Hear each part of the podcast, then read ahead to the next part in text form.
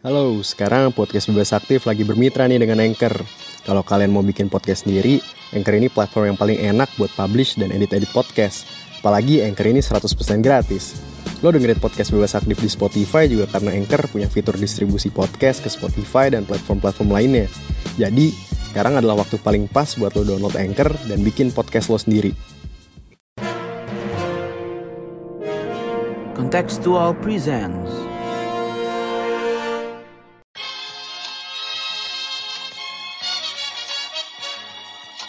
伟大、光荣、正确的中国共产党万岁！ Ladies and gentlemen, it was time to end a 20-year war. No one is safe until everyone is. The world is waking up and change is coming whether you like it or not. Selamat datang kembali di podcast Bebas Aktif season kedua episode ke-51 yang sekaligus episode terakhir kita di tahun 2022. Tahun yang luar biasa ya. Banyak banget kejadian dari Januari sampai Desember dan as usual gitu ya selama beberapa tahun terakhir kita selalu merekap berbagai kejadian yang terjadi di setahun belakang dan apa signifikansinya dan gimana harapan kita ke depan di tahun depan tahun 2023. Tentu saja ada gue Raffi, ada Ikhlas, dan Mas Sofwan. Dan kali ini welcome back Mas Abid yang Yo, sudah yo, yo. berubah title ya. Dari terakhir kali ada di Aduh, Luar biasa. aduh, aduh, aduh. luar biasa, luar biasa. Ada koridor kekuasaan di sini ya. Kabar baik Mas Abid? Aman terkendali. Aman terkendali. happy karena Messi akhirnya sah menjadi greatest of all time. Jadi Good. itu sangat-sangat No, happy. no doubt, no question. no doubt, question. No debat, no debat. No debat. Oke, kita hari ini akan membahas rangkaian kejadian yang terjadi di tahun 2022. Cuman mungkin gue mau mulai dengan pertanyaan singkat dulu. Jawabnya juga singkat ke kalian bertiga nih. Eh, ikhlas dulu. Kelas, apa kejadian yang paling mendefinisikan tahun 2022? Oh, kalau menurut gue sih kejadian yang paling defining ya dan eh, mungkin ancang-ancangnya udah kita lihat juga dari awal tahun ini adalah eh, invasi Rusia ke Ukraina gitu yang masih berlanjut lagi sampai sekarang dan ya efeknya nggak cuma terbatas di kawasan Eropa Timur, Eropa tapi juga terasa sampai ke seluruh dunia gitu termasuk juga kita di Indonesia. Udah 10 bulan ya? Rusia Udah Ukraina. 10 bulan gitu dari Februari 20-an ya. Iya, 24 Februari kalau nggak salah. Luar biasa. Kalau Mas Abid, what defines 2022? Eh, kasus Ferdi Sambo ya. Secara domestik betul ya. Iya, Gue expect ada jawaban itu. Gokil, gokil. Tapi banyak banget emang kejadian tahun ini tuh yang terkait dengan apa ya hubungan internasional atau politik global ya. Mungkin salah satu penanda utamanya invasi Rusia ke Ukraina karena itu mengubah kalkulasi banyak hal, mengubah mengubah dunia sih karena ya. kita nggak nyangka bahwa itu kejadian. Bahkan Januari Februari itu masih belum belum yakin gitu. Walaupun waktu itu kan Amerika sempat ngekode kan udah Ukraina. Waktu itu kan orang-orang kayak masa ah ini Amerika nih Iya, kayak zaman Irak dulu nih gitu. Iya, apa iya. namanya uh, weapon of mass destruction eh tapi beneran dan kemudian mengubah segalanya sampai detik ini sih dan kita yang ada di ya kita kita warga Indonesia yang nggak mungkin yang nggak terlang nggak langsung terlibat itu langsung uh, bisa mendapatkan konsekuensinya gitu Hmm, hmm, hmm, hmm. Konsekuensi ke mana-mana ya. Kalau menurut Mas Sofwan, what defines 2022, Mas? Ya, tentu eh, invasi Rusia ke Ukraina menjadi salah satu fenomena yang berdampak luas ya, karena dia sistemik, sistemik karena yang terlibat adalah negara-negara yang memiliki power yang besar di dalam sistem internasional. Di situ ada Rusia, kemudian eh, Ukraina yang juga bukan negara kecil, tapi yang lebih penting lagi karena kemudian Ukraina juga dibantu, disuplai persenjataan oleh negara-negara Eropa dan juga oleh Amerika Serikat. Jadi ini ya secara umum ya great power konflik gitu ya.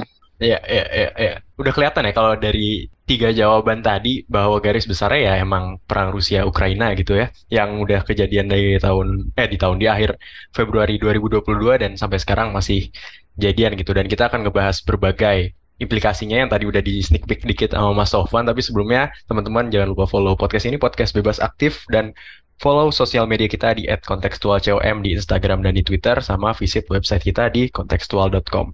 Oke, mungkin gue ke lo dulu kelas. ada berbagai konsekuensi langsung gitu yang cukup direct dari invasi Rusia ke Ukraina. Kita juga berapa kali kita bahas uh, Rusia Ukra Ukraina di di podcast ini ya dari berbagai sisinya gitu. Tapi kalau dari segi yang paling kelihatan gitu dari segi keamanan kan banyak yang terjadi gitu ya, banyak yang berubah. Salah satunya juga yang gua perhatikan kan sempat kita obrolin juga di podcast bebas aktif adalah bertambahnya member NATO potentially karena Finlandia dan Swedia kan udah mendaftarkan diri gitu ya walaupun belum secara resmi masuk. Tapi kalau menurut lu apa apa yang berubah dari arsitektur keamanan di Eropa dan bahkan dunia gitu pasca invasi Rusia dan Ukraina? Rusia ke Ukraina. Ya, uh, yang pasti menurut gue uh, dari invasi Rusia ini uh, yang sebelumnya juga sebenarnya bukan bukan tindakan militer ya dalam arti luas pertama yang diambil oleh Rusia kayak sebelum-sebelumnya juga hmm. uh, banyak uh, ya baik. Dari incursion sampai ada um, separatisme di uh, Georgia di Ukraina juga sebelumnya 2014 yeah. tapi uh, reverberationsnya gitu dan juga skalanya itu sendiri nggak sebesar ini gitu loh yang udah bisa dibilang. Dan memang merupakan full fledged invasion gitu kan dengan dengan target awal yang udah mendekati Kiev gitu kan. Jadi ini bukan lagi suatu uh, gerakan separatis saja, meskipun sekarang targetnya cuma di Donbas gitu, tapi uh, initially ini adalah benar-benar sebuah full-fledged invasion. Dan ini menyadarkan banyak negara gitu ya, yang mungkin uh, bukan kita di Indonesia nggak secara langsung, meskipun ada juga kaitannya, tapi terutama ya di kawasan Eropa sana, ataupun juga termasuk uh, di sisi timurnya Rusia gitu, tapi terutama di Eropa bahwa ya ancaman keamanan itu masih real dan ada gitu. Dan oleh karena itu uh, konsekuensi yang paling jelas adalah ya selama ini negara-negara Eropa yang uh, banyak bergantung gitu ya, banyak nyaman kepada uh, perlindungan transatlantik dari NATO, dari Amerika Serikat, itu kemudian uh, sadar bahwa mereka juga harus uh, bangkit gitu untuk uh, memperkuat kembali militer mereka Nah, selama ini kan ya yang dibilangnya negara-negara Eropa uh, enak-enak aja gitu buat militer mereka spendingnya kecil, mm-hmm. terus yang lainnya bisa dipakai buat uh, social safety lah, buat buat BPJS sana, buat uh, uang pensiunan, buat segala macam gitu. Yeah. Tapi sekarang ya banyak negara, uh, including Germany gitu kan, yang dia meningkatkan yang selama ini juga uh, sangat sedikit pengeluarannya di dalam uh, pertahanan itu menaikkan menjadi 2% ya untuk memenuhi standar NATO gitu kan. Sehingga ya kayaknya bakal ada uh, perkembangan banyak dalam lima tahun ke depan paling enggak dalam uh, pertahanan di negara-negara Eropa gitu. Termasuk Jepang yang juga baru itu di uh, meskipun agak jauh mungkin konteksnya kalau dari Ukraina tapi juga dengan ancaman di sekitarnya, nggak cuma Rusia, uh, itu juga meningkatkan belanja militernya hingga dua persen gitu ya. Ada komitmen untuk uh, meningkatkan tersebut, meningkatkan belanja militernya uh, tersebut gitu. Dan selain itu yang kita lihat juga ada perkembangannya, ada masuknya Swedia dan Finlandia ke NATO gitu, yang merupakan langkah signifikan gitu kalau kita lihat ya. ke kebijakan pertahanan kedua negara yang uh, beda-beda ya. Kalau Swedia kan memang cenderung uh, netral, sementara Finlandia ada semacam uh, kesepakatan gitulah dengan Rusia bahwa ya mereka nggak akan join NATO dan uh, dengan berbagai uh, perjanjian setelahnya gitu. Tapi ya dengan ancaman yang masih nyata ini ikut NATO menjadi sebuah pilihan yang semakin menarik itu bagi uh, Finlandia dan Swedia, terutama yang uh, sangat dekat dengan Rusia bahkan berbatasan langsung gitu. Jadi ya sekarang juga menjadi memperkuat NATO di satu sisi. Tapi ini menurut gue ada satu hal yang menarik. Mungkin ada yang bentukannya kayak Macron gitu kan, yang dia pengen uh, ya European independence gitulah dalam hal defense. Jadi pengen Eropa kuat gitu dan punya semacam uh, ya mungkin fakta pertahanan atau gimana sendiri yang dia lebih lebih uh, ya lebih lepas lah daripada US daripada uh, selama ini payung perlindungan yang diberikan oleh Amerika Serikat. Tapi yang kita lihat sekarang justru kayaknya si NATO yang uh, semakin diperkuat ya kalau yeah. menurut gue ditambah juga dengan Eastern partners dari uh, dari EU yang ada di Eropa kan emang cenderung ya justru transatlantis gitu atau lebih cenderung memperkuat hubungan tahanan transatlantik gitu. Nah, invasi Rusia ke Ukraina ini kan Ukraina ini kan juga apa ya menimbulkan semacam presiden gitu ya kalau yang berimplikasi ke hot hotspot hotspot lainnya gitu bahwa wah bisa nih ada negara yang menginvasi negara lain negara yang lebih kecil gitu walaupun dengan backingan-backingan di tahun 2022 gitu. Nah kalau Mas Habib ngelihatnya implikasi ini benar kejadian nggak sih? Maksudnya apakah ada potensi di hotspot-hotspot lainnya gitu kan banyak ya yang kayak banyak yang bilang kalau ini bakal menimbulkan presiden yang buruk buat uh, Cina ke Taiwan. Ya tentu potensi konflik di hotspot ini itu bisa terjadi ya setelah setelah kejadian invasi Rusia ke Ukraina ini. Tapi ada dua sisi mata uang juga sebenarnya, hmm. Raf. Karena oke okay, uh, eh, ada kemungkinan invasi, tetapi kita juga harus lihat bagaimana reaksi dari yang diserang dan bagaimana reaksi dunia internasional atas serangan tersebut. Ya. Gitu. Dan dan bahkan kalau kita mau zoom in lebih dalam lagi gitu, bagaimana tidak semua kalkulasi militer yang apa ya, yang yang pakai uh, pakai rational choice doang gitu. Kan kalau kita bayangin sebelumnya, wah apa Ukraina bakal bisa dikalahin secara cepat nih. Bahkan yeah, yeah. waktu itu waktu awal-awal serangan itu banyak yang memprediksi bahwa Kiev akan uh, akan lumpuh, akan uh, rezimnya akan diganti dalam waktu tiga hari atau kayak kayak gitulah semacam itu. Tapi ternyata nggak juga gitu.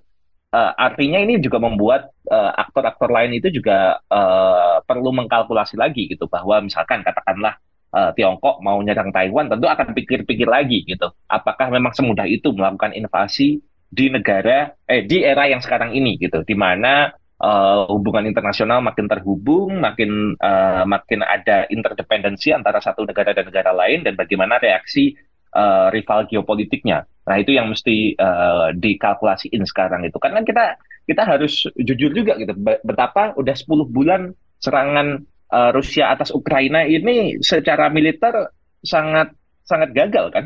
Nah, itu kan juga jadi uh, apa ya perhitungan dan jadi jadi uh, bahan diskusi juga. Betapa kita melihat Rusia yang selama ini uh, narasi yang kita terima adalah bahwa Rusia ini adalah negara dengan kekuatan militer terbaik kedua di dunia kan setelah Amerika Serikat, eh di Ukraina mereka menjadi negara dengan militer dengan mili, negara militer terkuat nomor dua di Ukraina karena Ukraina nampak ya, lebih benar. lebih tangguh sampai sampai detik ini. Ya tentu kita harus menghitung juga dan memberi kredit atas bantuan uh, Barat terhadap Ukraina. Tapi lebih dari itu ternyata nggak segampang itu. Nah itu tuh jadi jadi concern juga karena uh, ada faktor-faktor non rasional yang harus kita pertimbangkan. Kayak waktu itu kita harus uh, apa namanya memberi kredit juga ke Volodymyr Zelensky yang yang ternyata uh, kemampuan kepemimpinan dia itu ternyata bisa membuat Ukraina sangat resilient gitu. Dan ternyata jangan jangan diremehkan juga uh, moral itu seperti apa gitu. Kan perang atau invasi atau kalau mengutip bahasanya Putin kan special military operation yeah. itu kan uh, perang itu bukan untuk for the sake of war itself kan tapi ada tujuan politiknya. Nah Rusia ini tujuan politiknya apa? Susah kita mendefinisikan karena terkesan sporadis dan berubah-berubah gitu. Gue tuh suka mengikuti ini apa namanya Rusia uh, media monitor atau news monitor gitu. Jadi mentranslate berita-berita uh, dari TV TV negaranya TVRI-nya Rusia lah kurang lebih kayak gitu. Nah itu tuh terkesan sporadik gitu. Uh, dibilang di awal itu ingin mendenazifikasi uh, Ukraina tapi di sisi lain ntar ada ada narasi juga bahwa ingin melindungi uh, Russian speaking people di Donbas sama di Lugansk gitu. Uh, lalu ada bahwa ini adalah memberi pelajaran pada NATO. Akhirnya karena nggak yang jelas gitu di level militer dan level operasional itu tentara itu jadi moralnya nggak nggak nggak bisa uh, solidified. Beda dengan Ukraina yang uh, tujuannya jelas survive gitu. Hmm. Kalau nggak melawan kita hilang gitu di atas peta bumi gitu. Nah uh, akibatnya ini bisa menjadi pelajaran juga untuk untuk uh, hotspot hotspot lainnya bahwa nggak segampang itu gitu dan kita udah melihat bahwa di era saat ini serangan uh, ke, ke negara berdaulat lain itu tidak serta merta menghasilkan atau mencapai uh, tujuan politik yang dikehendaki di awal kayak gitu mungkin. Nah, nah iya dan di awal-awal waktu kita rekaman yang ini ya yang persis setelah Rusia menginvasi Ukraina kan juga kita membahas dan memperdebatkan gitu ya dua dua level analisis alasan kenapa sih Rusia menginvasi Ukraina gitu kan. Karena ada yang bilang ini adalah uh, motivasi pribadi Putin untuk mengembalikan imperium Rusia gitu dan ada yang bilang bahwa ini alasan sistemik karena NATO uh, semakin besar dan semakin mengancam Rusia gitu. Tapi kalau sudah 10 bulan nih Mas Sofan eh, perang ini udah dragging banget dan bakal sampai 2023 gitu. Kalau Mas Sofan melihat merefleksikan gitu ya 10 bulan ke belakang sebenarnya perdebatan kita di awal itu sebenarnya udah nyampe mana sih di di di tahun di akhir tahun ini gitu. Eh, secara umum, ya perdebatannya masih berlangsung. Karena memang sebuah fenomena kan bisa diinterpretasikan secara beragam ya. Ya. Misalnya, walaupun eh, lebih nggak populer karena dianggap eh, misalnya terlalu membela Rusia, pandangan yang penjelasannya sistemik gitu ya, bahwa yang dilakukan Rusia itu merupakan respon terhadap ekspansi NATO atau Uni Eropa ke sebelah timur yang kemudian memunculkan eh, insecurity eh, Rusia itu juga masih ada. Ini kelihatan misalnya dari tulisannya eh, Henry Kissinger kan yang menawarkan gagasan peace talks gitu di Spectator kan. Kissinger mantan Menteri Luar Negeri Amerika Serikat yang eh, sangat terkenal ya, baik menyarankan eh, untuk ya memulai peace talks misalnya dengan eh, Rusia eh, mundur dari wilayah yang dia dapatkan sejak invasi, lalu eh, voting bagi wilayah-wilayah yang dikuasai oleh Moskow sebelum invasi misalnya. Tapi ini kan artinya juga dialog gitu ya, bukan interpret. Kalau itu kan hanya it- itu kan jalan kalau interpretasinya oh Moskow ini melakukan ini karena eh, merespon ekspansi NATO gitu kan sehingga dia akan puas di situ. Tapi kalau interpretasinya adalah memang ambisi imperialistik gitu ya, eh, kan ya nggak akan berhenti di situ. Jadi appeasement itu juga nggak akan. So, artinya apa? Artinya ya interpretasi masih beragam, termasuk nanti konsekuensinya kepada eh, kalkulasi dari aktor-aktor lain yang tadi diomongin eh, sama Abid ya. Jadi betul ada yang menginterpretasikan eh, bahwa kegagalan Rusia untuk mendapatkan kemenangan yang gampang dan cepat cuma karena kalkulasi militer di atas kertas menunjukkan mereka adalah kekuatan eh, yang besar ternyata nggak berlaku tuh di lapangan ya kan kemudian membuat orang apa, berpikir gitu jangan-jangan eh, kalkulasi kita juga begitu gitu kan Eh, ini Mhm. misalnya kemudian bikin uh, orang misalnya menginterpretasikan uh, dalam konteks lain kayak uh, Cina dan Taiwan. Oh berarti uh, Cina mungkin juga ng- nggak akan seberani itu karena Rusia ke Ukraina menunjukkan bahwa bahkan dalam wilayah yang secara uh, jarak dekat hubungannya lewat darat saja nggak semudah itu melakukan Iya. invasi apalagi di Cina dan Taiwan yang ada straitnya itu kan Hmm. eh, yang zaman dulu eh, mereka kabur ke Taiwan itu sampai ya sampai banyak yang meninggal di perjalanan gitu kan. Eh, makanya ya tentu lebih sulit lagi untuk melakukan invasi ke eh, Taiwan.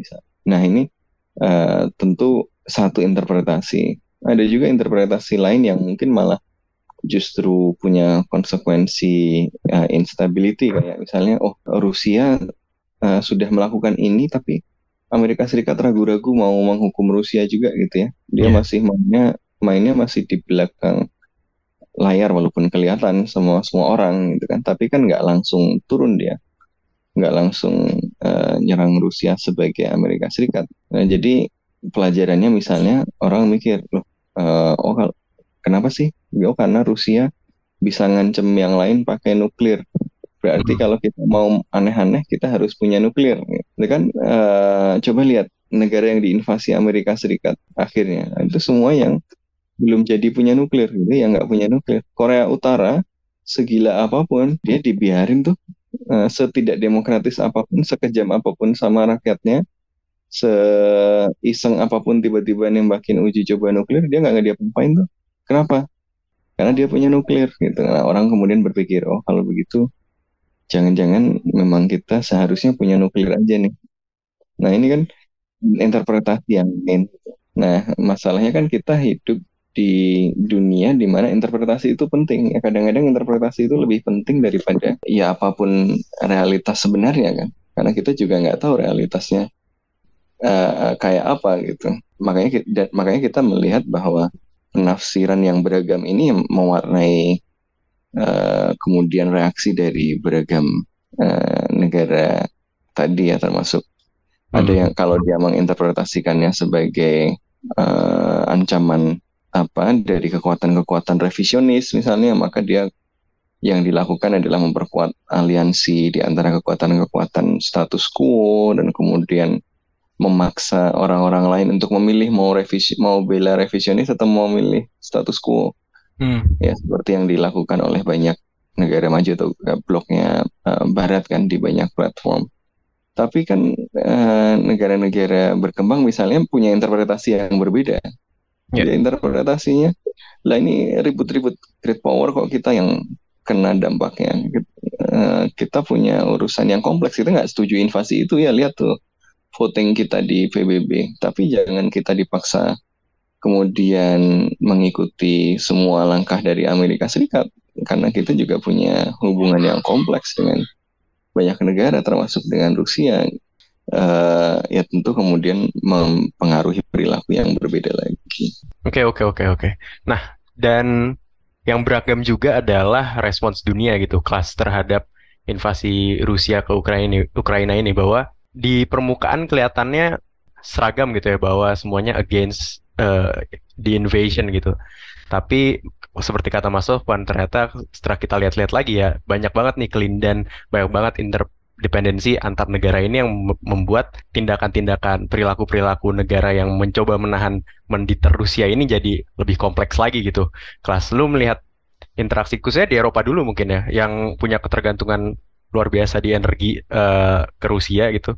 Gimana interaksi antara menyeimbangkan nih, gimana kita menahan Rus- Rusia biar dia semakin menahan pergerakannya di Ukraina, tapi di sisi lain dia juga bergantung sama Ukraina, eh, bergantung sama Rusia yang membuat tangan mereka kurang lebih terikat gitu, guys.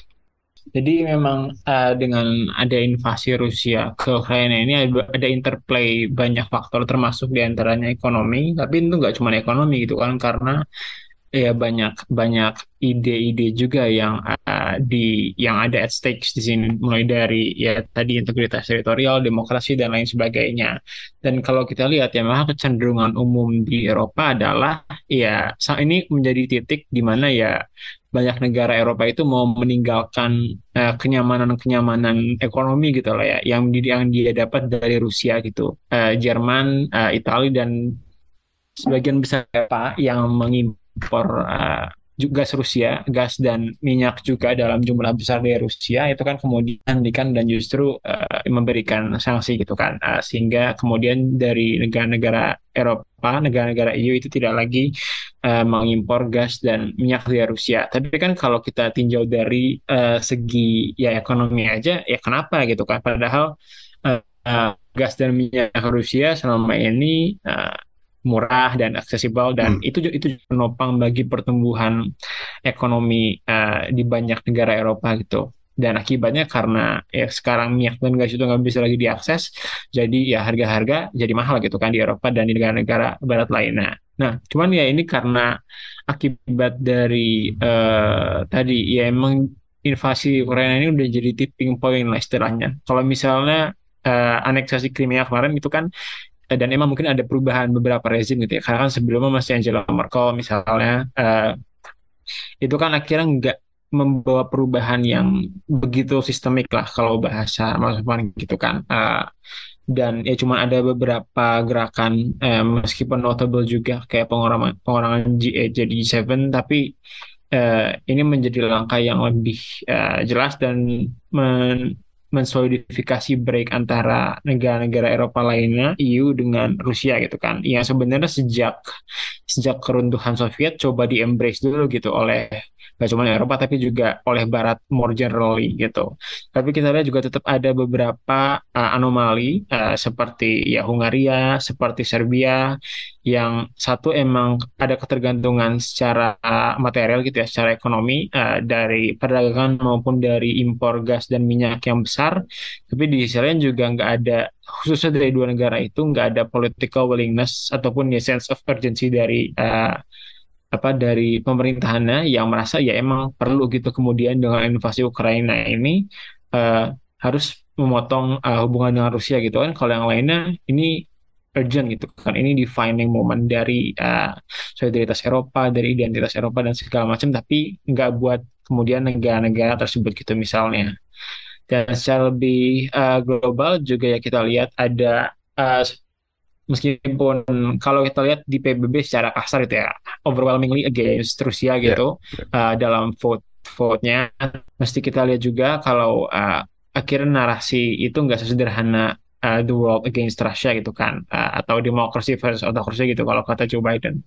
Dan banyak uh, akhirnya yang benar-benar uh, outspoken uh, baik secara diplomatik maupun secara aksi juga. Jadi kita tapi kalau buat negara-negara lainnya ya mungkin dalam berbagai sisi ya mungkin kurang ngerasa ada koneksi dengan uh, apa namanya sense yang dimiliki oleh negara negara Eropa lainnya ataupun uh, menimbang-nimbang dengan kepentingan mereka akhirnya tidak terlalu uh, kemudian pengancaman itu akan terlalu mengancam akhirnya ya banyak uh, kemudian yang mengambil posisi justru berbeda gitu dengan negara-negara Barat yang uh, secara mayoritas uh, mengecam dan secara uh, aksi-aksinya juga dia uh, melawan dan mempersulit Rusia ya dalam melakukan invasinya begitu kan. Tapi banyak juga negara yang kemudian tetap ya maintain status quo, nggak terlalu ngecam, nggak terlalu segala macam, atau bahkan profit profiting from the war dari harga murah uh, gas ataupun minyak dari Rusia gitu. Mhm. Nah, kelas kalau dari respons yang udah terjadi dalam 9-10 bulan terakhir gitu ya, sanksi ekonomi lah, embargo lah, macam-macam gitu ya, eh, mutus eh, Mhm.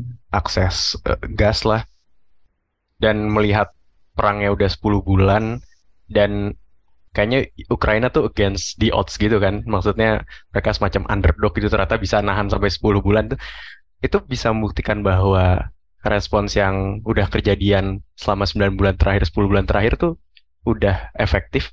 uh, efektif kan measurementnya apa dulu gitu loh uh, kalau menurut gue ya. Tapi uh, menurut menurut gue ini uh, both sides sih. Jadi bukan misalnya kita bilang dari sisi Ukraine Ukraine dan and the West aja yang lebih baik dan lebih efektif dalam uh, merespon gitu. Tapi dari seperti yang tadi disinggung tadi juga sisi Rusianya yang yang flop gitu lah dalam invasinya gitu kan.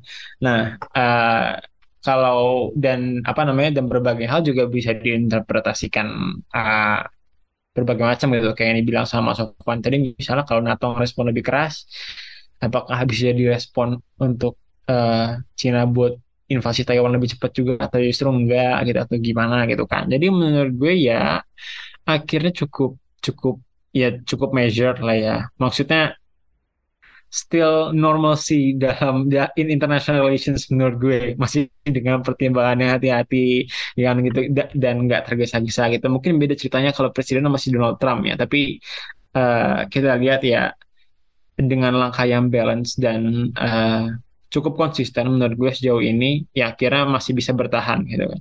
Ya dan bahwa Ukraina masih bisa bertahan, Rusia gagal menguasai Kiev itu juga bukan berarti Rusia sepenuhnya kalah loh kan. Nah, kan yang terjadi adalah apa ya uh, stalemate korbannya banyak gitu kan.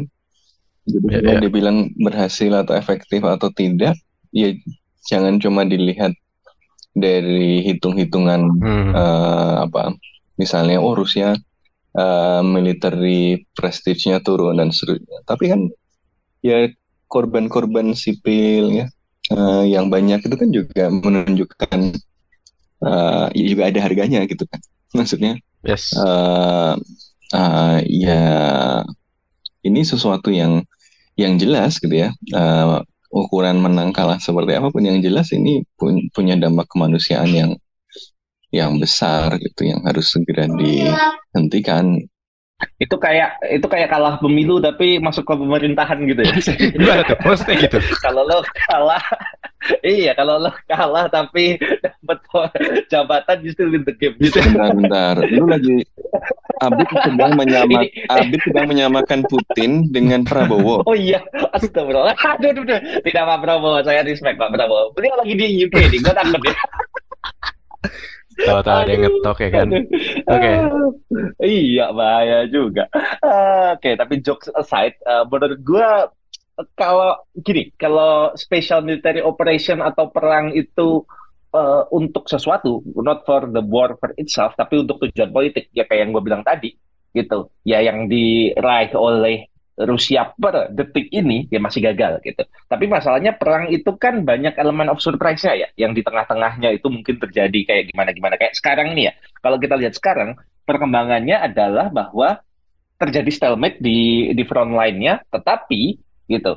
Kayaknya anginnya berbalik ke Rusia sekarang. Artinya Rusia sekarang agak di atas angin karena serangannya ke uh, critical infrastructure ini cukup cukup menghantam Ukraina dengan sangat uh, devastating ya, dengan sangat uh, parah gitu. Uh, artinya bahwa oke, okay, uh, kalau hitungannya 10 bulan, menurut gua uh, uh, Rusia ini masih gagal dalam mencapai tujuannya melakukan special military operation atau invasi ini gitu. Tapi kita mesti melihat lagi nih setelah ini kayak apa gitu. Kalau misalkan uh, apa namanya mereka itu dari banyak political objektif yang mereka uh, luncurkan ke publik, kalau misalkan dari 10 yang mereka dapat tiga atau empat, menurut gue dengan apa yang kita tahu tentang Rusia, Rusia yang negara besar, lalu ada apa ya, ada ada konotasi-konotasi yang melekat kepada Rusia, menurut gue masih masih masih gagal gitu. Uh, dan mudah-mudahan itu jadi jadi reminder ke ke dunia internasional bahwa apa namanya bahwa invasi ke negara berdaulat dan juga uh, serangan apa unprovoked attack itu itu nggak ada untungnya. Mudah-mudahan memberikan pelajaran itu. Tapi lagi-lagi ya, ini kan wishful hmm. thinking ya. Uh, lagi-lagi perang itu sekali lagi dimenangkan di medan perang gitu, nggak hanya di meja diplomasi ataupun di uh, opini publik di sosial media gitu. Jadi uh, untuk dukungan Barat terhadap uh, terhadap Ukraina dalam bentuk militer, menurut gua cukup oke okay, gitu agak susah untuk mengatakan bahwa atau meminta misalkan Barat untuk ayo tambah lagi dong uh, angkanya, tambah lagi dong kualitas persenjataannya. Sedangkan di waktu yang sama gitu, ekonomi eh, negara-negara Barat juga lagi uh, melemah gitu. Di UK sendiri gitu, kan UK itu salah satu negara pendukung Ukraina dari awal yang luar biasa paling royal besar kontribusinya paling royal terutama waktu zamannya Boris Johnson ya uh, yes. dua prime minister yang lalu dah, dah uh, itu pun karena sekarang-sekarang ini ada apa krisis biaya hidup yang cukup tinggi, lalu ada apa namanya mogok kerja uh, nurse itu perawat, terus mogok kerja uh, pekerja transportasi dan seterusnya dan seterusnya, publik itu jadi bertanya-tanya gitu, lo nggak mau naik gaji uh, tenaga kesehatan tapi lo mau ngirim duit ke Ukraina maksud lo apa? Nah, gitu. Jadi pemerintah sekarang di hmm. accountable oleh uh, oleh publiknya sendiri. Yang ini jadi jadi constraint juga. Kalau mau dinaikin uh, bantuannya untuk Ukraina jangan-jangan malah menciptakan backlash. Karena di dalam negerinya uh, lagi ekonominya lagi susah gitu. Dan itu sebenarnya memantik uh, pertanyaan di kepala gue kan kita tahu nih bahwa Eropa ya Uni Eropa dan ya Uni Eropa dan Inggris lah itu selama ini kayak tadi dibilang sama Raffi sama Ikas di awal bahwa mereka uh, banyak jadi dalam tanda kutip ya ini sekali lagi banyak dibilang bahwa mereka itu kurang berkontribusi terhadap uh, NATO atau postur pertahanan aliansi Barat ini gitu uh, karena duitnya dipakai untuk kebutuhan dalam negeri dan lain sebagainya masalahnya kok gue ngelihat ekonomi Eropa juga nggak bagus-bagus amat ya. Jadi duitnya itu lari ke mana? Hmm. lo, lo paham kan? Yeah. Kalau misalkan duitnya nggak dipakai untuk belanja pertahanan keamanan karena alasannya dipakai untuk kebutuhan dalam negeri, harusnya ekonomi dalam negerinya kan tumbuhnya bagus nih. Dan masalahnya dalam 10 tahun terakhir itu apa signifikan banget pertumbuhannya kayak di negara-negara lain. Oh tentu Mas Mas Sofan nanti mungkin punya penjelasannya ya bahwa ada faktor A, B, C, D, E gitu. Coba kalau kita pakai analisis gembel kalau kalau nggak dipakai untuk uh, gun ya untuk dipakai butter tapi butternya kagak ada juga inilah duitnya lari ke mana itu kan yang yang itu mungkin juga menjadi salah satu uh, pertanyaan publik Eropa gitu. Jadi makanya kenapa walaupun di level elit dukungan terhadap Ukraina oleh elit-elit Uni Eropa atau elit-elit Barat itu kompak gitu, tetapi selalu ada faksi-faksi dari masyarakat uh, di Eropa dan di Amerika Serikat yang mempertanyakan gitu loh. Uh, ini kita ngurusi dalam negeri dulu atau kayak gimana nih? Dan kemudian kayak yang dibilang Mas Sofan tadi, semakin memunculkan dorongan-dorongan uh, dari domestik Eh, negara-negara Barat untuk kayaknya kita harus bring Rusia back to the table gitu loh. Untuk untuk negosiasi ajak Ukraina untuk negosiasi segera selesaikan perang segera perbaiki ekonomi. Masalahnya adalah kalau itu dilakukan jangan-jangan lagi-lagi ini memunculkan interpretasi. Jangan-jangan kalau kalau kita bawa Rusia ke meja uh, diskusi dan bawa, bawa Ukraina untuk mereka jangan-jangan ini memberikan kesan bahwa apa namanya kalau gue uh, melakukan serang kayak gini gue masih bisa dapat uh, aneksasi dua daerah loh dapat Luhansk atau Donetsk atau mungkin pengaruh terhadap Crimea loh gitu. Yang itu mungkin memberikan insentif di masa mendatang untuk uh, rezim-rezim serupa. Nah itu kan jadi jadi dilema. Makanya ini memang uh, dari sisi Rusia Rusianya uh, mengalami apa namanya uh, mengalami kesulitan karena sanksi dan lain sebagainya iya gitu. Tetapi di satu sisi yang sama juga mengalami dilema yang nggak kalah rumit gitu, yang harus diselesaikan nggak hanya terhadap Rusia dan Ukraina, tetapi juga penjelasan moral dan tanggung jawab politiknya ke dalam uh, kepada domestik uh, kepada publik domestiknya gitu. Mm -hmm. Dan itu dikalkulasi juga oleh Rusia kan. Makanya betul, exactly. kayak uh, ya mengandalkan musim dingin dan ya, kelaparan gitu. Ya, masalahnya apakah Rusia ini nggak pikir bahwa rakyatnya sendiri juga dingin dan lapar? itu yang kadang-kadang gue pikir. Rusia lebih dingin dah. Apa lebih kuat lapar ya? ya, ya. Karena gila dia udah biasa. Aduh, gila gila. ya, ya, ya. Aduh, ya, ya. aduh. Nah, dan sebenarnya selain di Eropa, kita kan dari tadi belajar, uh, membicarakan Eropa, Rusia, Ukraina gitu ya, bahwa sebenarnya seperti Mas Sofan tadi udah singgung juga bahwa perang ini ya punya punya implikasi yang nggak main-main juga walaupun secara tidak langsung gitu ya ke negara-negara berkembang gitu. Salah satu Indonesia yang memicu mungkin ya Pak Jokowi untuk bertamu ke ke Zelensky dan bertamu ke Putin gitu ya ke Moskow dan ke Kiev gitu. Dan dan kalau nggak salah dan kalau nggak salah masih jadi satu-satunya kepala negara yang ketemu keduanya kalau nggak salah ya. Kayaknya masih ya, kayak masih top Pak Jokowi eh, mantap. Top yeah. tiga periode nggak tahu. Uh, Mas Sofan jangan protes ya. ya emang kita harus memberikan pujian saat ya, harus dikasih iya. pujian ya kan. Salah dikritik itu. Halo, sekarang podcast Bebas Aktif lagi bermitra nih dengan Anchor. Kalau kalian mau bikin podcast sendiri, Anchor ini platform yang paling enak buat publish dan edit-edit podcast. Apalagi Anchor ini 100% gratis. Lo dengerin podcast bebas aktif di Spotify juga karena Anchor punya fitur distribusi podcast ke Spotify dan platform-platform lainnya. Jadi, sekarang adalah waktu paling pas buat lo download Anchor dan bikin podcast lo sendiri. Pas, uh, gue kalau dulu sebenarnya apa sih sebenarnya efek yang paling konkret dari perang Rusia Ukraina ke Ukraina ini ke ke negara-negara berkembang gitu khususnya Indonesia karena kalau yang Pak Jokowi bilang sih yang paling utama krisis krisis pangan gitu ya. Cuman kalau yang kita rasakan sehari-hari gitu krisis pangan tuh bentuknya seperti apa kalau yang dari langsung dari perang Rusia Ukraina ini? Iya, uh, krisis buat negara-negara uh, berkembang ya dan di yang dan yang jauh dari Eropa mungkin uh, ya reverberations yes. yang paling terasa itu adalah secara uh, nggak secara keamanan tapi lebih secara itu kan kayak krisis energi dan krisis pangan. Uh, tapi menurut gue kita relatif ini relatif ini ya negara berkembang uh, secara umum, apalagi yang kita uh, surplus ekspor komoditas banyak, jadi lebih bisa lebih bisa uh, menghadapi inilah menghadapi krisis-krisis uh, ini secara lebih baik. Dengan dengan buang-buang duit itu buang-buang duit ya dengan subsidi lebih banyak Iya ini agak agak gimana gitu ya kelas ya. Jadi ada negara perang iya, tapi gitu Eh, komoditas kita harganya naik gitu gimana? Penerimaan pajak kita, kita lebih harus... 200 triliun loh. Berapa ya? Waduh. Tapi intinya intinya intinya kayak gitu gitu kan. Uh, tapi di banyak negara lain yang mungkin nggak seberuntung Indonesia itu uh, dua dua uh, dua kris itu jelas sangat terasa gitu kan. Uh, dan ini sebenarnya cukup tidak terduga karena ya tahun 2022 yang banyak diduga harusnya jadi uh, post pandemic recovery gitulah itu kan udah mulai bangkit lagi ekonominya dan di satu sisi emang ada ekspektasi inflasi buat naik begitu kan. Tapi ternyata dengan pecahnya uh, invasi Rusia ke Ukraina ini justru kenaikan inflasi ditambah krisis-krisis itu jadi gila-gilaan gitu kan. Inflasi sampai uh, 9-10 persen. Kemudian krisis energi ya tentu saja karena Rusia adalah uh, eksportir uh, minyak terbesar salah satu yang terbesar gitu ya setelah Saudi Arabia.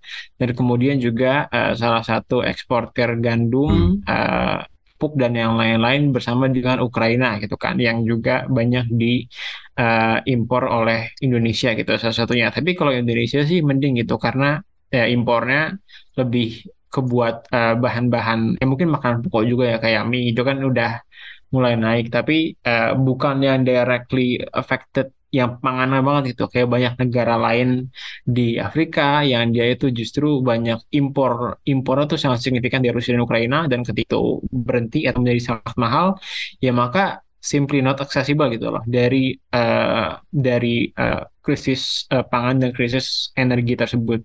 Kalau dari sisi apa krisis energi atau pangan mungkin masih belum terasa terasa juga sih ke misalnya ha- harga energi kan sempat naik gitu ya jadi sempat dijadikan pretext untuk naikin BBM kan tetap ya, tetap Mas Ahmad tuh tipis-tipis tetap Tetap ada ya. tipis-tipis. Masuk masukin aja yang bisa masuk. harganya Ya. harganya tetap harganya tetap nggak turun gitu misalnya ya pasti ada eh, eh, apa dampaknya cuma memang seperti yang dibilang oleh kelas tadi kita eh, kebetulan kan nggak terlalu terintegrasi ke dalam masih belum terlalu terintegrasi dalam ekonomi global kayak 2000 krisis 2008 2009 ya yang waktu hampir seluruh negara, semua negara di seluruh dunia kena itu kan kita juga nggak terlalu kena gitu. Karena ekonomi kita itu banyak rely on domestic gitu ya. Jadi ada gunanya juga nggak terlalu terintegrasi dalam ekonomi global ya.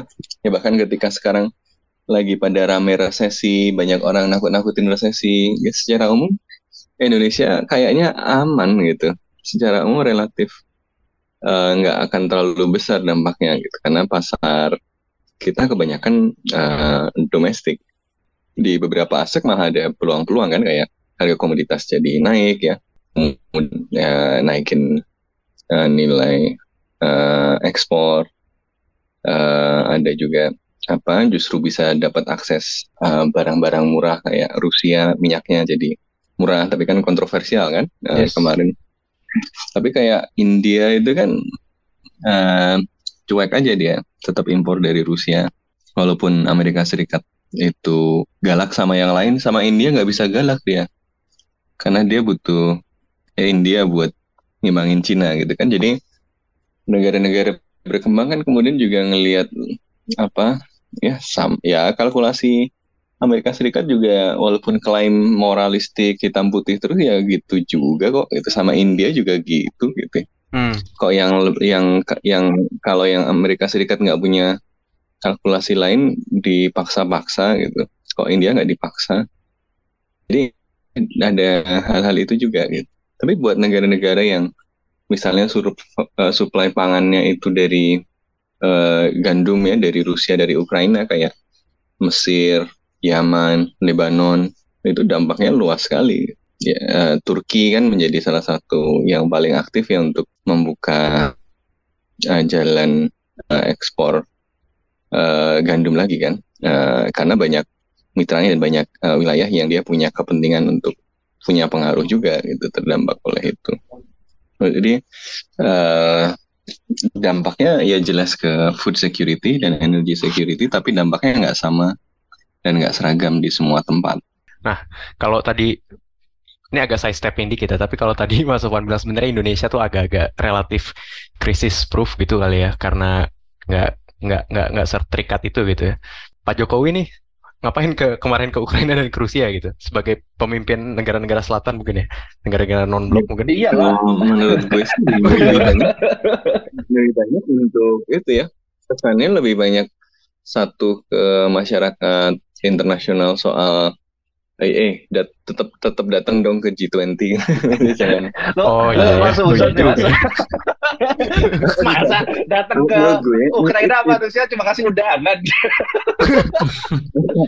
itu itu intent untuk menunjukkan bahwa negara-negara berkembang itu ya jangan diseret-seret masuk ke dalam uh, uh, politik negara-negara maju gitu ya. Uh, kita punya posisi yang unik ya dan kita potensial jadi bridge builder loh. Tapi saya kira juga Indonesia realistis tidak apa ya walaupun secara retorika sering ngomong apa bridge builder dan seterusnya tapi eh, yaitu eh, pesan simbolik gitu ya kalau dikasih peran itu oke kalau enggak karena memang eh, yang terlibat ini negara-negara dengan kekuatan besar ya nggak apa-apa yang jelas kami memberikan pesan bahwa kami nggak mau diseret-seret ya kami punya sikap eh, sendiri gitu ya Jadi jangan dipaksa uh, align dengan uh, paksaan gitu. Jadi ya dan kalian menunjukkan bahwa kalian juga memahami posisi negara-negara berkembang termasuk Indonesia ini dengan menghargai uh, apa platform multilateral yang namanya G20 itu. gitu. Jadi bukan cuma undangan G20 itu bukan cuma soal undangan event, undangan G20 itu adalah uh, statement bahwa multilateralisme negara berkembang uh, berkepentingan untuk merawat ya multilateralisme yang memberikan ruang yang lebih luas bagi negara berkembang itu. Itu satu. Kedua, saya kira juga pesan domestik ya. Eh, pemimpin lu keren lo gitu. Eh, Top. menurut saya Tetap ada kesimpulannya Sobat. semua semua pemimpin politik pasti melakukan itu dan itu wajar gitu loh. Oh ya, betul, Ya. betul, betul. Peran internasional itu selalu punya punya audiens domestik, punya pesan domestik gitu ya. Makanya kan setelah itu ada kampanye wah Jokowi memimpin dunia dan seterusnya. Ya ya wajar gitu. Itu kayak eh, Soekarno bikin event ya terus eh, ada apa kampanyenya ya itu wajar gitu. Semuanya begitu dan bukan hal yang salah. Dan menurut saya sih kalau eh, ada motivasi domestik kemudian tindakan internasional yang dilakukan itu memang bagus ya bagus-bagus aja kan. Cuma jangan oversell aja gitu. Eh, Hmm. Ya, ya, ya. Ya, jangan tiba-tiba jadi pemimpin dunia juga. ya nggak apa-apa. Ya bagus gitu. Maksudnya Eh. apa? Kalau mau jadi pemimpin dunia masa jadi ketua MUN kan enggak kan? iya kan maksudnya. Saya sekjen PBB oke lah, PBB. sekjen PBB. Sekjen PBB. Top Pak Jokowi mantap. Nah, while while we're talking about G20 ya, eh, bridging yang segue yang pas banget buat ngomongin karena eh, G20 ini kan eh, terjadi di akhir tahun, KTT-nya terjadi di akhir tahun dan udah persiapan-persiapan di awal-awal tahu-tahu bam invasi Rusia ke Ukraina jadi KTT G20 yang paling kompleks mungkin ya selama penyelenggara eh, selama berdiri G20 gitu. Nah, kalau Mas Sabit melihat kebetulan ya Indonesia jadi jadi tuan rumahnya gitu, jadi hostnya ya eh, dengan berbagai tantangan ini. Apa kontribusi G20 di tahun ini terhadap konflik eh, Rusia Ukraina kemarin? Karena kan akhirnya ya walaupun Putin gak datang ya Menteri Luar Negerinya Putin, Sergei Lavrov kalau nggak salah namanya juga akhirnya datang dan walaupun pulang duluan ya kayak katanya ya, ya itu Masuk rumah sakit pulang gitu. Masuk rumah Dia di, sakit. digosipin masuk rumah sakit ya. Terus habis itu paginya bikin video pakai kaos tuh. itu gokil tuh. ya gimana Im- eh, G20 sebagai apa ya sebagai forum ngobrol gitu udah udah berhasil menjadi forum ngobrol itu kah s- eh, untuk mengatasi atau memfasilitasi pemimpin-pemimpin negara ini?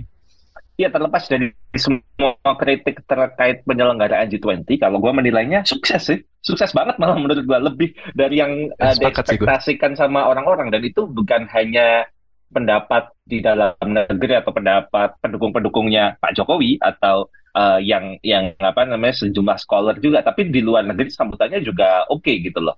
Uh, banyak yang mengatakan bahwa "Wah, ini ternyata sukses dan bisa mengangkat uh, posisi Indonesia. Ada positioning baru gitu bahwa oke kita nggak hanya jadi tuan rumah yang baik tapi juga bisa melakukan kerja-kerja diplomatik yang uh, cukup cukup cukup mendapatkan apresiasi yang luar biasa. Karena gimana pun juga momennya sulit banyak banget yang uh, jadi perhitungan uh, Indonesia dalam melakukan diplomasi kita posisinya nggak kita posisinya bebas aktif dan kita nggak membela uh, siapa-siapa secara uh, secara total total banget secara absolut. Uh, dan kita tantangannya banyak banget loh, nggak hanya tentang perang uh, perang Rusia Ukraina, tapi juga uh, pemulihan pasca pandemi kan juga salah satu topik yang diangkat Indonesia kan? Arsitektur kesehatan global dan banyak dana-dana yang berhasil disepakati komitmennya waktu G20 kemarin dan nggak hanya itu, tapi juga uh, forum-forum lain yang me- menempel G20 ya kayak misalkan B20 itu juga banyak menghasilkan uh, sejumlah inisiatif-inisiatif yang cukup oke. Bahkan ada R20 Religion 20 itu juga salah satu inisiatif khas Indonesia yang yang cukup cukup diapresiasi gitu. Beberapa bulan eh, satu bulan yang lalu itu eh, Gus Yahya eh, Kiai Haji Yahya Khalil Stakuf itu diundang di sini di Oxford Union ini. Dan sependek pengetahuan gue jadi orang pertama Indonesia yang datang ke Oxford Union. Tapi mungkin gue bisa salah. Tapi seingat gue salah satu yang diundang pertama dan berbicara di antaranya mengenai R20 itu dan mendapatkan sambutan yang cukup positif gitu. Uh, menurut gue jadi uh, di tengah-tengah situasi yang nggak ideal Indonesia berhasil berhasil menjalankan diplomasi yang oke okay sih menurut gue ini dari 8 tahun uh, jabatan Pak Jokowi 9 tahun uh, tahun depan menurut gue salah satu pencapaian diplomatik yang paling oke okay, ini sih. Nah tentu banyak masih banyak hal-hal yang uh, bisa kita evaluasi dan room for improvement pasti ada gitu. Tapi ini cukup oke lah. Dan fakta hmm. bahwa beberapa uh, tokoh dunia yang agak susah untuk disatukan dalam satu meja mau datang dan mau diskusi itu menurut gue juga salah satu hal yang positif. Dan ingat juga waktu itu ada elemen of surprise-nya. Jadi malam-malam kalau nggak salah itu ada uh, misil yang kena Polandia yeah, tuh. yeah. wah itu kan waktu itu wah ini ada jadi darurat tuduhan kan. Wah ini Rusia gitu. Ya tiba-tiba iya, ternyata yeah. oh ini dari, dari Ukraina gitu. Apa friendly fire gitu kan. Nah itu kan yeah, ada yeah. rapat darurat. Waktu itu gue juga menyaksikan itu kayak wah ini gimana reaksi Indonesia ya. Dan untungnya tetap kepala dingin dan ya salut lah untuk untuk uh, Pak Jokowi dan apa namanya dan semua timnya gitu. Bu Menlu terutama yang ya, Bu Menlu dan Bu Menkeu ya yang yang cukup aktif dalam yes. dalam uh, G20 ini dan gue tuh tahun 2018 atau tahun 2019 itu nulis tentang ini uh, di jurnalnya Xiongpo itu mengenai kritik gue terhadap uh, kebijakan luar negerinya Pak Jokowi yang menurut gue waktu itu tuh belum menampilkan uh, leadership yang seharusnya ideal menurut gue ya. Tapi di putaran ke, di putaran kedua di di apa periode kedua ini menurut gue dengan adanya G20 ini dan harapannya nanti tahun depan ada uh, keketuaan ASEAN, menurut gue ini jadi momentum yang sangat oke okay sih menjawab uh, keraguan dan skeptisme gue ter terkait faktor uh, kepemimpinan simbolik Pak Jokowi di forum-forum uh, internasional. Jadi, udah mantap Pak Jokowi. Aman. Aman. Aman gimana gimana kelas ya ya ya jadi apa namanya uh, kalau untuk G20 kemarin ya tadi selain emang itu uh, setuju kalau G20 uh, sukses gitu penyelenggaraannya tapi suksesan itu nggak disertai dengan kelengkapan gitu ya menurut gue. Dan itu emang adalah ya akibat dari perang uh, dunia juga gitu ya perang dunia uh, perang uh, Rusia Ukraina gitu kan.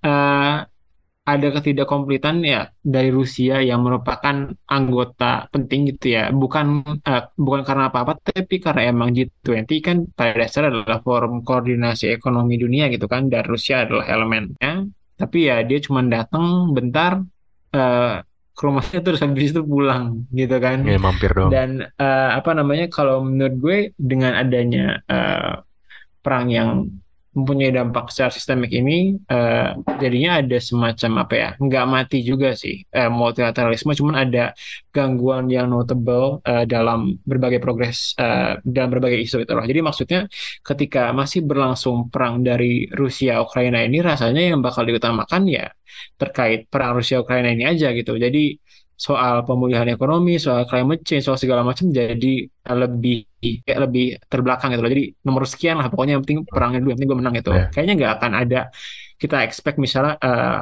progres dari Rusia ataupun partisipasi juga ya. Kan kemarin uh, COP meskipun uh, kurang gue perhatiin juga kayak gimana progresnya tapi gue yakin ya Rusia dan Ukraina nggak begitu ada uh, partisipasi ataupun uh, komitmen yang gimana gitu dalam perihal climate change gitu kan selama perang masih berlangsung begitupun juga dari negara-negara lainnya jadi ini agak meng, apa ya meng, menghisap ruang nafas dari multilateralisme yang seharusnya bisa lively bisa banyak bicara berbagai isu yang penting bagi dunia ini, tapi menjadi uh, agak ketika perang Rusia Ukraina masih menjadi headline yang terus-menerus diperhatikan gitu. Menghisap nafas ruang multilateralisme. Gue yakin Ikhlas lagi jatuh cinta nih akhir-akhir ini. Kata-katanya jadi bagus. jadi poetik ya, ya jadi poetik, poetik sekali. Luar biasa. Oke, oke, oke. Nah, uh, sejam kita meninjau 2022 yang ternyata uh, peristiwa utamanya adalah perang Rusia Ukraina gitu ya. Kalau tadi gue memulai dengan pertanyaan kecil, gue akan tutup juga dengan pertanyaan kecil ya buat kalian bertiga gitu ya. Melihat 2023, gue nggak tahu kalian orang yang menggunakan resolusi atau enggak gitu ya. Cuman untuk melihat 2023 dalam konteks perang Rusia Ukraina yang masih unfortunately masih akan berkecamuk gitu. apa yang harus kita perhatikan di tahun 2023 nanti mungkin dari Mas Sofwan dulu Mas. Ya, yang jelas uh, perang Rusia Ukraina ini juga harus dilihat tidak hanya sebagai pemicu dari berbagai peristiwa lain, tapi dia sendiri juga merupakan gejala dari kecenderungan global yang uh, sedang terjadi dan akan terus terjadi, yaitu ya konsekuensi dari pergeseran di dalam distribusi kekuatan internasional kan. Ada kaitannya dengan itu gitu kan. Kenapa Rusia bertindak sekarang? Karena Rusia melihat bahwa uh, Barat ini sedang mengalami decline ya. Uh, Rusia juga mengalami decline.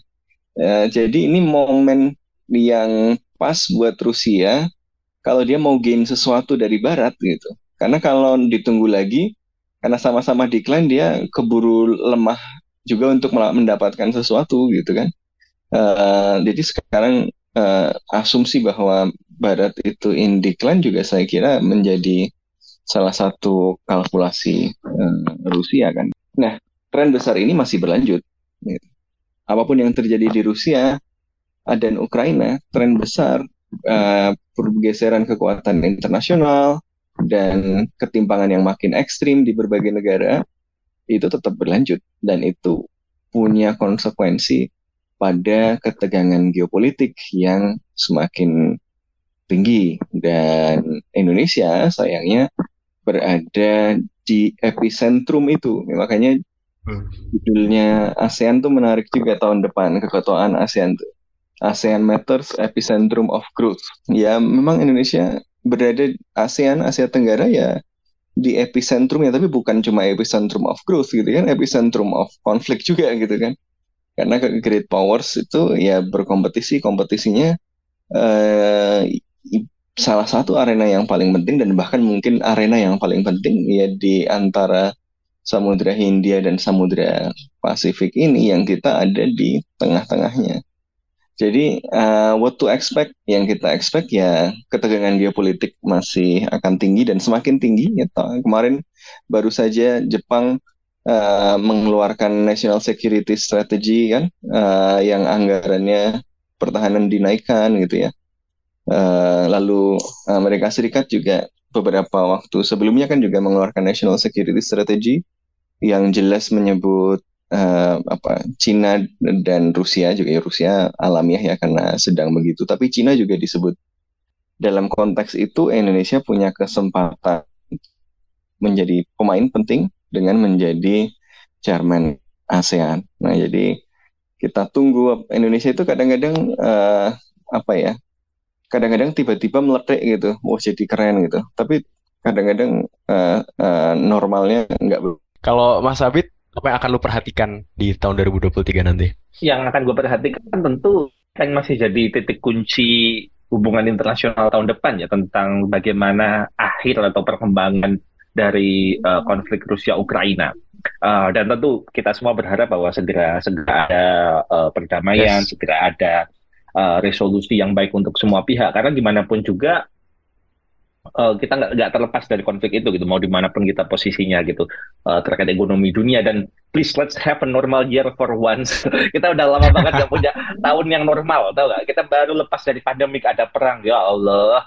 Tolonglah ini untuk apa namanya pemimpin-pemimpin dunia untuk mulai lebih masuk akal lah pakai hati dan nuraninya untuk untuk memikirkan berharap bahwa tahun depan ini bisa jadi bisa jadi momentum uh, semua negara untuk ya berbenah secara positif dan ya menciptakan stabilitas dan perdamaian sih. Gimana pun juga uh, kita semua uh, ter tertaut dalam sistem internasional ini. Jadi kalau ada satu yang error terutama kalau negara besarnya ada apa ya error in system itu mempengaruhi semua sistem. Jadi uh, harapannya segera berdamai gitu. Dan uh, kemudian untuk Indonesia gue juga setuju. Ini harus jadi momentum yang positif efektif untuk uh, untuk kita memainkan peran yang lebih strategis lagi di level regional maupun di level dunia untuk ke negara-negara besar fokus ke uh, recovery ekonomi dan fokus ke kemanusiaannya. Jangan lupa itu juga gitu. Banyak korbannya itu banyak nggak hanya di nggak terutama yang banyak tentu di sisi Ukraina ya tapi juga uh, kayak korban sanksi ekonomi Rusia itu kan nggak hanya yang rakyat-rakyat kecil yang ada dan lain sebagainya. Itu kan pasti juga merasakan hal yang sama kan. Jadi menyeluruh gitu loh. Ini semua semua hal ini terjadi secara menyeluruh dan kita perlu uh, dukung keketuaan ASEAN Indonesia ini untuk memainkan peran yang strategis dalam menjaga perdamaian dunia. Itu amanat konstitusi juga. Dan exactly, gue juga sepakat sama Mas Sofan bahwa ya resiliensi atau ketahanan demokrasi kita tahun 2023 itu uh, diuji sehingga ketika kita ngomong di luar, kita itu punya kredibilitas di dalam negeri dan ya dan dan harapannya juga tahun 2023 ini para politisi ini nggak hanya fokus 2024 ya tapi yang ngurusi perdamaian dunia hal-hal yang sifatnya apa ya yang punya dampak internasional juga gitu. Karena kadang-kadang kalau kita berkaca dari tahun 2019 lalu, tahun 2018 tuh semua orang tuh, semua politisi ya, kecenderungannya hampir semuanya itu udah mikirnya 2024 gitu. Ini koalisinya yeah. mana, ini cawapresnya siapa gitu. Wong ujung-ujungnya cawapresnya ditentukan menit-menit akhir gitu. Ngapain lu ber, berdebat, berdebat dari setahun lebih gitu. Mending fokus pada kerja-kerja konstitusional, kerja-kerja yang punya dampak besar gitu. Legacy itu nggak hanya nggak hanya soal lo dipilih lagi, tapi soal ya lo berkontribusi terhadap mandat konstitusi dan uh, mandat terhadap konstituen lo gitu. Salah satunya kalau misalkan uh, uh, ada kalau ada pendengar kita dari Komisi 1 DPR RI ya kita kalian harus merayakan fungsi untuk uh, mendorong pemerintah menjalankan fungsi strategisnya untuk perdamaian dunia gitu. Begitu juga kalau misalkan ada diplomat-diplomat Indonesia yang uh, yang mendengarkan kita dukung untuk ya kita uh, diplomasinya untuk untuk uh, mendamaikan pihak-pihak yang uh, bertarung lalu menjaga, uh, menjaga ekonomi dunia menjadi lebih stabil dan nggak ada elemen-elemen of surprise yang sifatnya negatif. Dan ya uh, gue sangat sangat wishful thinking tapi biasanya kalau terlalu wishful thinking sih sering dikecewain kayak si Raffi. Iya gitu ya tapi korban korban ya, PHP ya. Oke oke oke yang lagi jatuh cinta nih biasanya lebih optimis daripada gue nih. Ayo kelas gimana kelas agak poetik ya poetik kelas lu. Agak poetik poetik. kita poetik Ya. Gimana Mas kalau dari lo? Tadi Mas Abid kayak mengajak muhasabah internasional gitu ya untuk kita berefleksi. Mantap. Ya, uh, kalau gue Ilsen pertama uh, posisi Rusia pasca perang itu ya karena ya meskipun perang belum berakhir tapi ya sooner or later it have to end yes. dan menurut gue adalah bagaimana kemudian dunia menempatkan Rusia gitu kan karena menurut gue eh, Rusia terlalu besar untuk diabaikan gitu ya. Kalaupun bisa dibilang ya negara perayah, tapi nggak ada negara perayah yang segede Rusia gitu kan. Nggak kayak Korea Utara, nggak kayak Suriah. Ya Rusia sheer size-nya aja udah membuat dia nggak bisa diabaikan dalam dalam ekonomi dunia. Dua juga dalam mencari solusi-solusi bersama secara internasional gitu kan untuk permasalahan-permasalahan yang ada sekarang seperti perubahan iklim salah yes. satunya. Terus yang kedua yang mesti jadi perhatian adalah ya bagaimana kita settling into a new normalcy lah dalam terutama nggak cuma dalam ekonomi sih sebenarnya dalam keamanan juga dalam ekonomi juga. Karena ya pandemi together with uh, the war juga itu mendorong perubahan yang nggak cuma temporer gitu tapi benar-benar eh kalau bisa gue bilang ya permanen menjadi sebuah new normal bagaimana kemudian cara jadi lebih uh, proteksionis menjadi lebih uh, ada concern terhadap uh, produksi sendiri dalam energi security, dalam food security yang pasti empasisnya ke dalam produk produksi domestik gitu kan. Dan kemudian juga uh, spending dalam keamanannya semakin besar dan intinya dalam dunia yang kemudian menjadi semakin uh, volatil di tengah ketidakpastian yang sekarang juga masih belum pasti tahun depan resesi atau enggak, inflasi bakal turun atau enggak, itu uh, bagaimana kemudian kebijakan dan kerjasama juga secara internasional menjadi penting untuk uh, dunia itu pertama bisa weather the storm dan kedua bisa ya perlu ada ortodoksi baru ya kemudian bisa diamalkan secara bersama-sama gitulah untuk bisa mencapai kemampuan bersama. Nice, nice, nice, nice, luar biasa, luar biasa. Uh, sekian dulu gitu ya podcast bebas aktif di tahun 2022 yang panjang tapi cepat ini. Semoga keadaan-keadaan genting gitu ya di tahun 2020 dapat bergerak ke arah yang lebih tenang. Semoga damai menyertai kita semua. Selamat Natal dan selamat tahun baru teman-teman. Kita ketemu lagi di tahun 2023.